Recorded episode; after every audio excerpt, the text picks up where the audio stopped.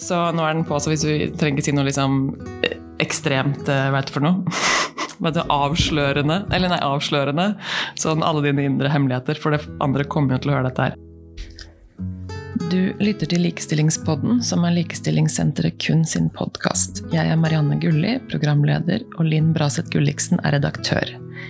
I dag har vi flyttet vårt studio inn hos FRI, Foreningen for kjønns- og seksualitetsmangfold, og med oss har vi Luka Dalen Espseth.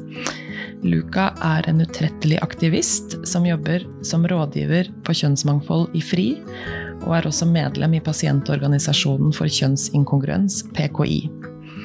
Han har en mastergrad i tverrfaglige kjønnsstudier og er lektor i biologi. Eh, men så da tenkte jeg egentlig at vi skulle bare starte med det eh, veldig kompliserte, men også ganske enkle, eller motsatt, enkle og vanskelige spørsmålet hva er en mann, eller hva betyr det å være en mann? ja, det er et veldig komplisert og veldig enkelt spørsmål. Eh, jeg har tenkt litt på hvordan konseptet mann henger sammen med maskulinitet. Fordi jeg forstår det som to på en måte uavhengige, men avhengige størrelser. Så de er to forskjellige ting, men de, de, har en intern avhengighet av hverandre. Og jeg tenker at maskulinitet som konsept blir skapt av det menn kollektivt gjør. På samme tid så må du for å bli gjenkjent av andre, og muligens også deg selv, utføre en annen form for maskulinitet. Eh, for med mindre du blir gjenkjent som mann, så kan du ikke liksom egentlig bidra til konseptet maskulinitet. Det betyr ikke at folk som ikke menn ikke kan være maskuline, for det kan de definitivt, men da må de gjøre ting som på en eller annen måte er definert av gruppa menn da, at er maskulint. Um, det svarer jo for så vidt ikke på hva spørsmålet, spørsmålet hva er en mann, uh, men jeg tenker jo at uh, en mann vil være enhver person som har en opplevelse av å være en mann, og som selv sier setningen, eller tenker setningen 'jeg er en mann'. Og det er jo kjempeinteressant, for jeg tenker veldig mange av oss tror nok at det er en veldig enkel definisjon på det å være mann. Eh, og så begynner man å gå inn på det og tenker at det stemmer jo ikke nødvendigvis. I feministisk teori så snakker man jo ofte om at liksom, man kritiserer det at mannen er normen. Alt måles ut fra en mann, og så er det et hierarki deretter. Eh, og, og, det har ringvirkninger for når man er på medisin, så er det liksom, når man stører på hjertet f.eks., så er det mannehjerte, og derfor kjenner man ikke hvordan andre kropper og andre kjønn reagerer på f.eks. hjerteinfarkt. Hva tenker du om det, det å være mann og slåss mot mannsnormen?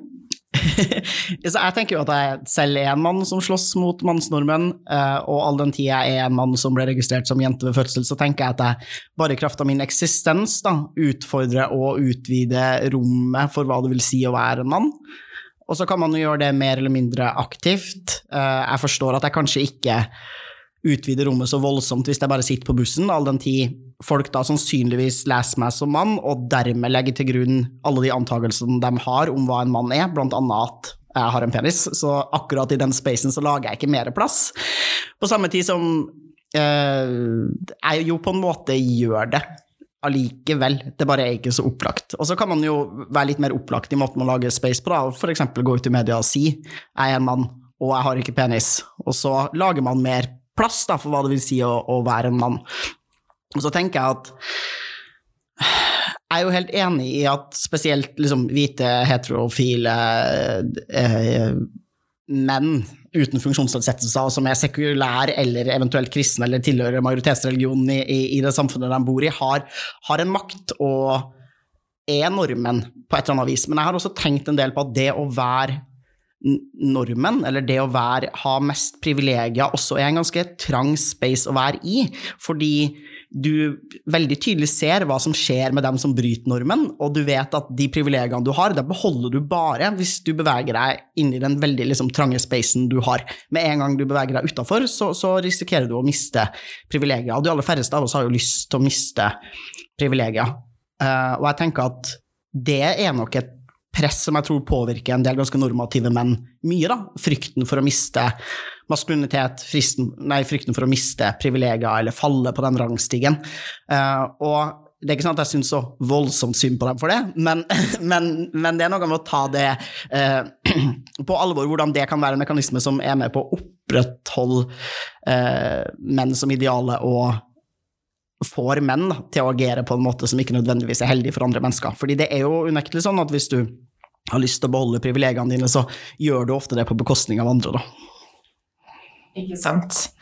Eh, og det er jo det, det som er det du nevner der, da, hva er konsekvensene for de å være fanget i en så trang kjønnsnorm, er jo kjempeinteressant. Vi kommer til å snakke litt om det også etterpå, men jeg er også veldig interessert i å tenke, tenke sammen om hvordan har denne normen oppstått? Liksom, hvorfor har vi fått denne, denne tanken om hva det er å være en mann, som du knytta veldig sterkt til maskulinitet i stad? Altså, hvorfor og hvordan har vi kommet hit i dag? I mange steder i verden hvor vi ser på oss selv, selv som ganske frigjorte, da? Det er et komplisert spørsmål. Altså Inndeling av mennesker i kategorier virker som et ganske sånn universelt fenomen som de aller fleste samfunn over tid og sted har holdt på med. Eh, og så er det noen kategorier vi er flinkere på å forstå som fleksible, fordi de framstår som mer fleksible, eller har blitt gjort mer fleksible sånn aktivt av oss som samfunn. Men akkurat fundamentet for kjønn, og denne ideen om at den todelinga finnes da, i kvinne og mann, den har egentlig ikke feministisk kamp og frigjøring eh, tatt så veldig oppgjør med. Man har på en måte sagt at kvinner og menn skal være likestilte størrelser, de skal få lov til å gjøre hva de vil. Men så stopper det på et punkt, fordi man, man, får ikke lov til å gjøre faktisk hva man vil, fordi en kvinne i dette systemet er nødt til å fortsette å være kvinne. Eh, og da vil man aldri klare å ta liksom problemet ved rota, da, og liksom si det er noe problematisk med inndelinga i utgangspunktet. Og det har jo på en måte vært et paradoks i den feministiske kampen hele tida, da. Altså hvor på et eller annet tidspunkt så vil frigjøringa komme så langt at kategorien kvinne blir meningsløs, og da har man ikke noe å samle den feministiske kampen rundt, og så bare sitter man der og er sånn øh. Og det samme skjer jo litt med den liksom skeive kampen òg. Altså, en reell frigjøring for skeive mennesker vil jo innebære at kategorien skeiv og mange av de identitetskategoriene som hører hjemme der, blir meningsløse. Og det er jo noe man vil, men jeg tror også at det er noe mennesker selv ikke vil, fordi identitet framstår som viktig for oss når vi allerede befinner oss i et samfunn hvor de her ordene og eh, rollene og tilhørighetene føles viktige, da. og spesielt for de av oss som innehar mindre privilegerte posisjoner i samfunnet, så kan man ha utrolig mye stolthet, glede og samhørighet knytta til identitetskategoriene sine. Sånn der, jeg skulle gjerne levd i et samfunn hvor det ikke var forskjell på cis-folk og transfolk, men på samme tid så skulle jeg jo ikke ønske det, fordi for meg så er det å være trans ekstremt viktig for meg, da, og en så stor del av hvem jeg er, og hvordan jeg erfarer verden. Så da vil man alltid være sånn her Man ender på et punkt hvor dem som blir født nå, kunne teoretisk liksom fått lov til å ha den friheten, og ville ikke savna Eh, kategorien trans, eller ville ikke savna kategorien skeiv eller kategorien kvinne. Men fordi de dessverre blir født inn i en verden hvor det eksisterer masse mennesker som føler masse rundt de her kategoriene og allerede liksom forholder seg til dem, så klarer vi aldri å skape det samfunnet sånn fullstendig. Det tror jeg ikke var et svar på spørsmålet, men um, ja. Jo, men det var jo Du var inne på at det er noen kategorier vi liksom har vanskeligheter for å bryte og jeg synes Det er interessant det med at den feministiske kampen heller ikke har egentlig tatt et oppgjør med de kjønnsrollen, eller kanskje den starta det. Der den starta med en frigjørenhet fra roller, og så ble den liksom redusert eller falt inn i et sånn likestillingsmønster hvor da, som du sier, forutsetter visse kategorier. Du må ha en enhet, og så kan den andre være lik den andre enheten, og så er det en todeling der som kanskje er ødeleggende for den frigjøringskampen i dag, da, for alle mennesker. Eh, og så snakket du, til, du snakket jo til om privilegier. Altså sånn, den kategorien Hvis selv de frigjørende kampene eller de frigjøringskampene ikke har tatt oppgjør med kjønnsrollen, så er jo også hvis en mannsrolle er knytta til privilegier, så vil jo de nødvendigvis også tviholde ganske på den kanskje rollen som er knytta til de privilegiene, eller? Ja, det tenker jeg både altså Noen vil nok gjøre det bevisst, altså faktisk liksom føle på nå mister jeg makt, nå mister jeg posisjon, nå mister jeg muligheten til å gi kompisen min det, det, her styrevervet. Altså sånn helt sånn tydelig tap av privilegier. Men så tenker jeg også at det er mer sånn eh, subtile ting, da, hvor man bare føler en sånn aversjon mot å bidra like mye i husarbeidet fordi det går utover din mulighet til å trene like hardt til Birken. Og som ikke er liksom, Kanskje du ikke tenker på det som kjønnslikestilling, men du bare blir litt sånn gretten og har lyst til å verne om din egen fritid og din egen frihet. Og vi er jo blitt et veldig sånn frihetssøkende samfunn etter hvert, da, hvor folk, har, altså folk verdsetter veldig sitt, liksom, sin individuelle frihet. Da. Og da har vi mista litt eh, forståelsen av at din individuelle frihet også er en del av et større system. Da. Og man ser det liksom jeg tenkte på det i går når man har sett denne debatten om liksom kvinner som velger å ta mannens etternavn når de gifter seg i sånne hetero-relasjoner. hvor jeg blir sånn her, ja, men Det er bare mitt personlige valg, og det passer, det passer, bare så bra for oss, fordi han har så kult etternavn, og mitt er så dølt, og det blir så vanskelig hvis vi skal ha to etternavn for ungene og sånn. Så blir jeg sånn Ja, det er jo helt greit som, som et argument for deg og ditt liv, men hvis det er sånn at 90% av tilfellene så går det så velger folk helt likt, da, så er du en del av et problematisk mønster hvor, de, hvor, hvor gyldigheten av argumentet ditt faktisk ikke fins, på et vis, tenker jeg. Ja, og jeg skulle til å kommentere det, for den der friheten vi snakker om, har jo en kollektiv dimensjon, og den har en individuell dimensjon. At vi er blitt særs individualistiske de siste årene, vil jeg tørre å påstå. Eh, men også eh, at, det, at vi mister evnen til å se oss selv i det kollektive. Eh, og at når man stiller spørsmål ved de valgene, så er, er liksom angrepet blir individuelt også. At når du sier ok, men hva, altså, i den gitte situasjonen da, med en, en, person som tar eh, den mannlige parten sitt navn i et heterofilt eh, forhold, og sier ok, men 90% av alle kvinner gjør det, og så blir det liksom sånn at man føler seg angrepet. At, det er et personlig, at du angriper deg som person framfor å diskutere struktur.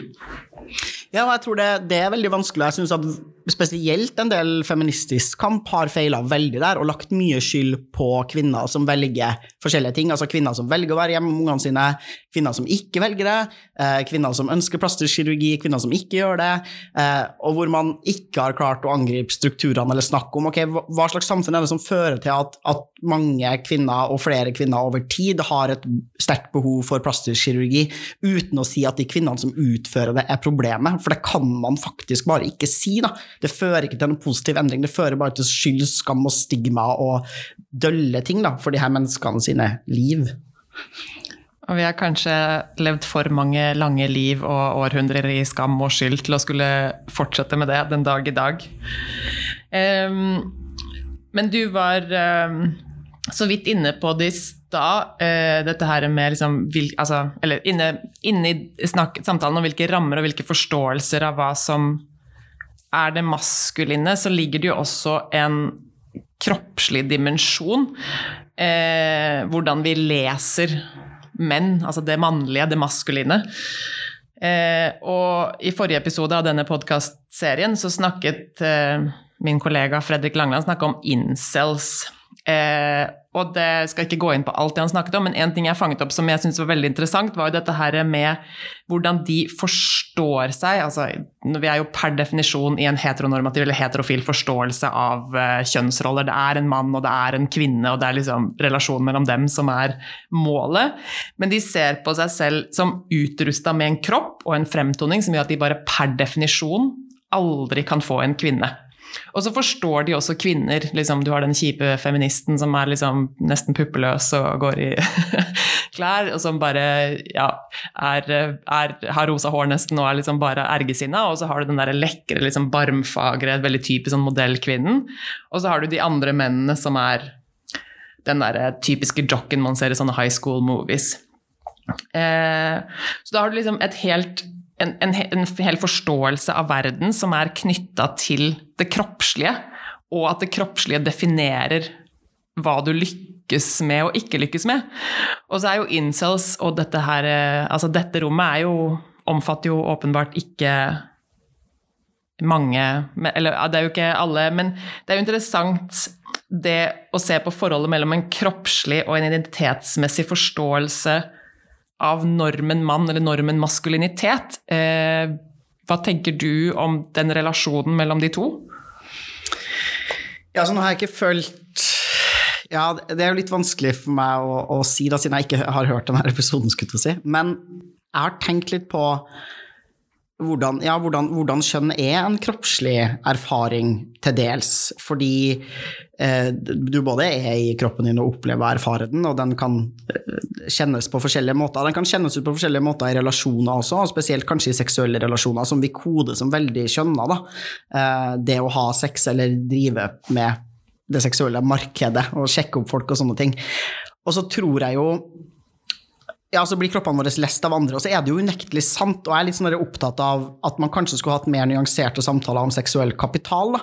Eh, fordi jeg kan forstå noen av de her mennene som syns at datingmarkedet er vanvittig vanskelig. Da. Og det å oppleve at man uh, feiler når man har lyst til å sjekke opp noen eller prøve å, å hevde seg i livet. Da. Og så er det jo påtagelig, hvis man liksom ser på Tinder, så er det sånn her Det er jo ingen kvinner som har lyst til å ha sex med menn som er lavere enn dem. Punktum. Det virker jo som det er en faktisk ganske absolutt sannhet.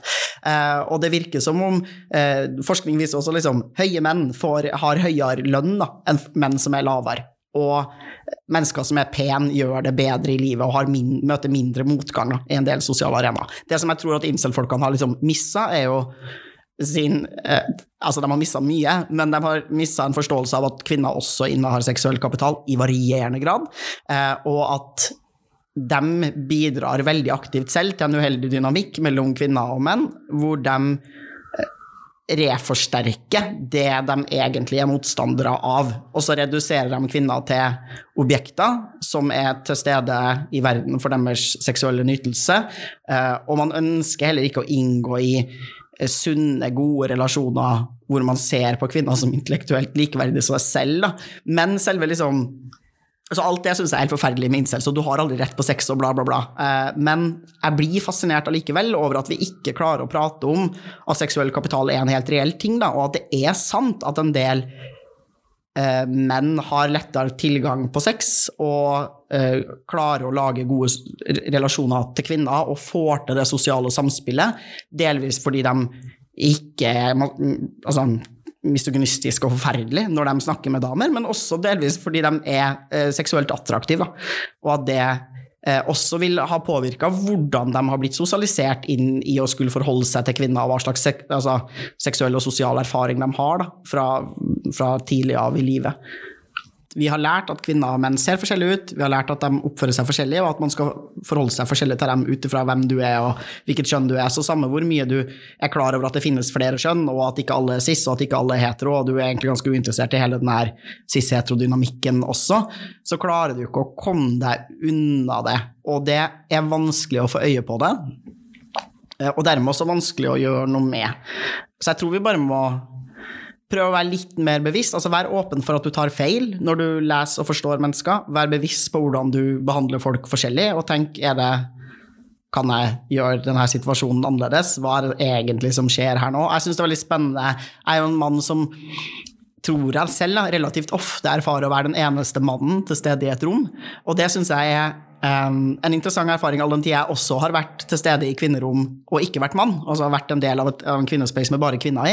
Uh, og det er påtagelig for meg, da, hvert fall, hvordan min tilstedeværelse, bare min blotte eksistens som mann i en space med bare kvinner, forandrer hele det rommet. Og så kan det hende at jeg føler liksom overilt mye på det, at det ikke egentlig er så sant, men jeg, jeg tror det skjer.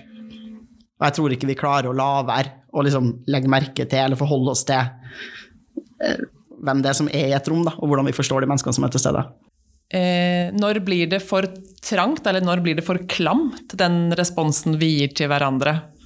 Eh, jeg husker i min egen opp eller ikke, kanskje ikke oppvekst, mer i ungdomstiden, så ble jeg liksom grinete hver gang jeg fikk så veldig applaus av min mor jo mer jeg kledde meg i kjoler, og jeg er en cis-kvinne, jeg identifiserer meg som kvinne, eller eh, Altså, jeg, ja, men, det, men jeg får fortsatt litt sånn, hver gang jeg tok på meg en pen kjole, så var det veldig sånn der åh, Marianne, du er så pen i dag.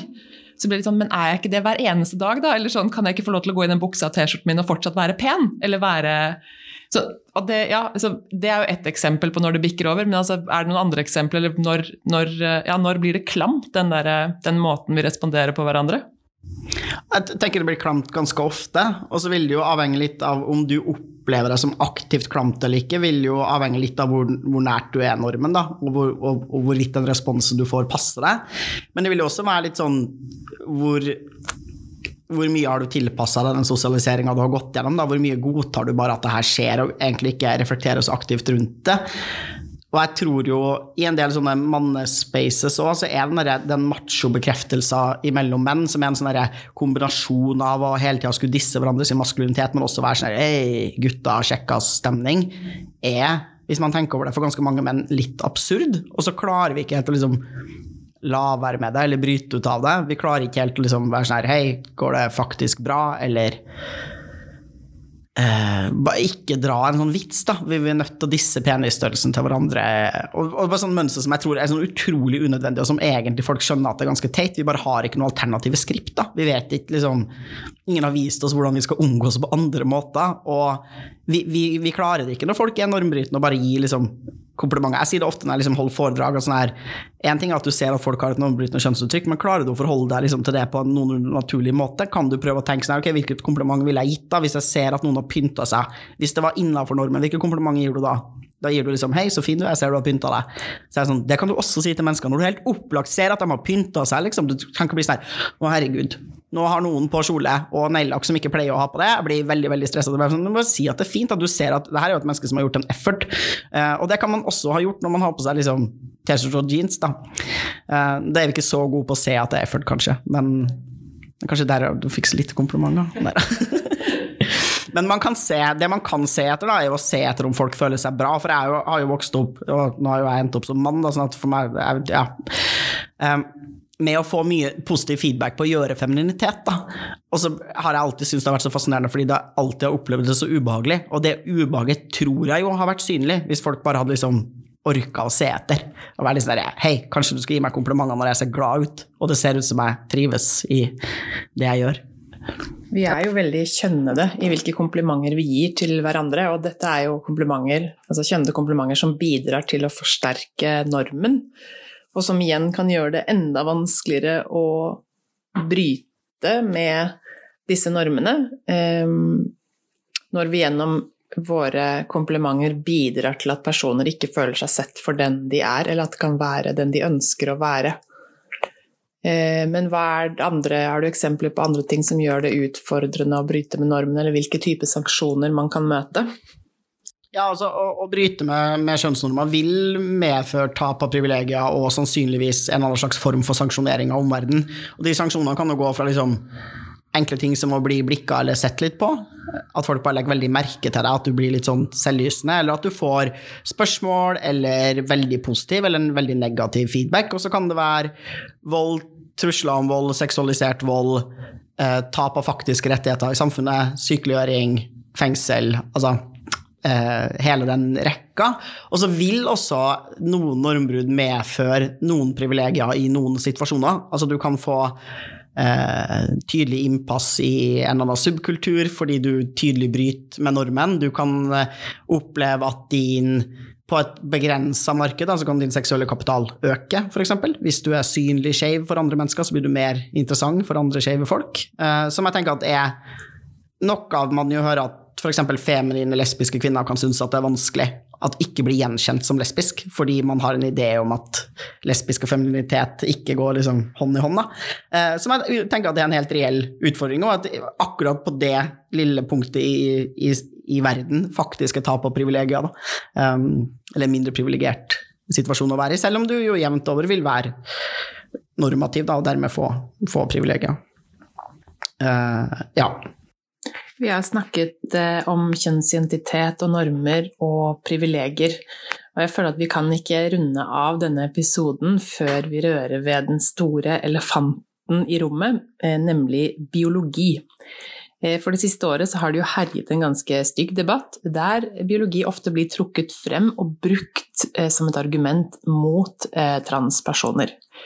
Men det å si at kjønn er noe man gjør, og at det er en identitet, er jo ikke det samme som å si at det biologiske er uvesentlig, og at det ikke eksisterer, eller?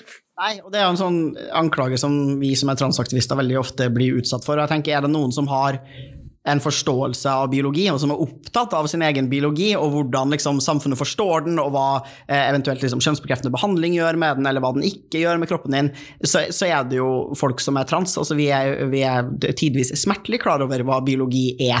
Det eneste vi sier, er at eggstokker i seg selv ikke definerer deg som kvinne, og at du kan ha eggstokker uten å liksom, bli påtvunget denne kategorien. Da. Men det virker som om folk ikke forstår det, eh, enten fordi de faktisk ikke intellektuelt forstår det, eller fordi de virkelig, virkelig ikke vil. Um, og hvor jeg tenker Jeg syns det er bemerkelsesverdig at det, at det, skulle være kontroversielt å si når vi snakker om mennesker som kan bli gravid, så er det mer presist å snakke om mennesker som kan bli gravid, enn å bruke eh, ordet kvinne. Eh, fordi det er upresist, og det er spesielt upresist sånn rent medisinsk, biologisk, whatever, altså kall det hva du vil. Um, og, så, og, så, er det jo liksom uh, heller ingen transaktivister som noensinne har påstått at det er et problem at man bruker kvinne relativt ofte som begrep, og at man uh, i kvinne ofte legger uh, visse egenskaper, visse kropper. Og det er liksom det er ikke noe kjempeproblem. Og det er ikke sånn at vi mener at man skal forkaste ordene kvinne og mann, det er bare at vi tenker at det går an å nyansere litt. Eh, vi har bl.a. gitt verden det her fantastiske begrepsapparatet cis og trans. Hvis du har et behov for å snakke om cis-kvinner spesifikt, så kan du få lov til å si cis-kvinner uh, istedenfor å bruke et annet språk som hvor du med vilje feilskjønner og, og nedgraderer transkvinner da, til å liksom ikke være kvinner i det hele tatt, som er ofte er resultatet. Så det, det kan jeg jo bli litt sur av. Ja. Nei, og så syns jeg det er veldig vanskelig å forstå eh, hvordan Altså hvis vi skal oss, oss to her i rommet, da. Hvordan min eksistens truer din eksistens, eller hvordan din eksistens truer min eksistens. Altså sånn, Du kan jo være deg, og jeg kan være meg, og så var det egentlig ikke så veldig mye vanskeligere enn det. Eller sånn, Og det høres kanskje ut som en veldig banal måte å si det på, men jeg syns det er reelt vanskelig å forstå. Og så betyr jo ikke det at eh, Altså at det er så enkelt som å redusere oss alle mennesker i verden til enkelte enheter og bare ok, alle kan vi eksistere og dette er lykkelig, for alle må vi jo eh, lære oss å bli bevisst det, liksom det samfunnet vi lever i, og hvilke privilegier det gir oss og tar fra oss den rollen vi blir gitt i lys av hvilket land vi er født i, hvilken hudfarge vi har, hvilket kjønn vi er født i eller blir lest som, og liksom hele den pakka der. Men uavhengig Altså, likevel, min eksistens truer jo ikke din, og din truer jo ikke min. Eller sånn, jeg kan jo fortsatt være jeg kan være så mye cis eller trans eller hva jeg vil, uavhengig om du er trans eller altså, om du hadde vært cis, eller liksom hva som helst, da. Ja, jeg tenker også det, og så finnes det selvfølgelig det finnes nok også eksempel på der hvor gruppa sine interesser er Eh, konkurrerende eller kommer opp mot hverandre. Men jeg kan ikke komme på noen eksempler hvor jeg syns at det dilemmaet blir veldig stort eller vanskelig å forholde seg til. Som du sier, da, det er ikke så veldig ofte at mennesker sin eksistens går utover andre mennesker sin eksistens. Eh, vi har jo vært inne på eh, egentlig veldig mange ting, men både trange kjønnsnormer, hvordan disse normene preger oss alle i vår hverdagsliv. Så har vi nevnt et par ganger behovet for å lære, da, for å bli, ha en bedre forståelse av både disse debattene og veldig mange andre situasjoner. Så jeg tenker, eh, hvis man skulle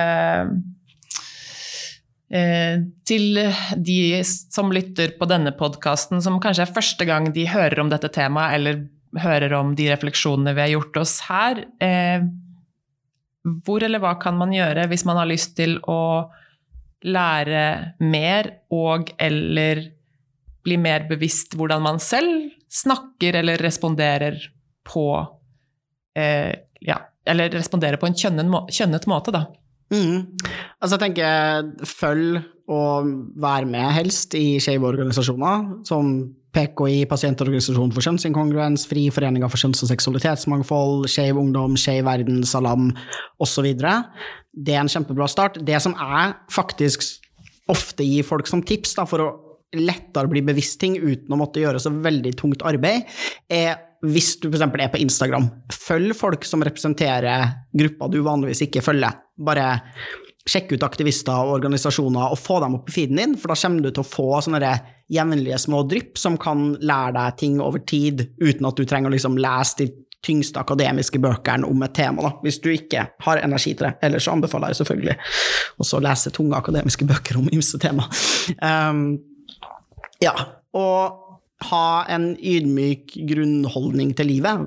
Forstå at mennesker er forskjellige fra deg selv, og at det ikke er en trussel, og at du har masse å lære, og at dem som tilhører en minoritetsgruppe, har kunnskap og erfaring i kraft av å tilhøre den minoritetsgruppa, og den, det at de har vært nødt til å lære om eget liv, og at de har erfart sitt eget liv såpass masse at de skal bare rett og slett ha forrang da, i enhver diskusjon som handler om dem. Eh, og, ikke, og det er ikke fordi man er den gruppa, men det er fordi at fordi man er den gruppa, så får man masse kunnskap og kompetanse av å leve et liv som er uunngåelig kunnskap og kompetanse for dem som tilhører en minoritet, og som vi andre som ikke tilhører den minoriteten, må lære oss.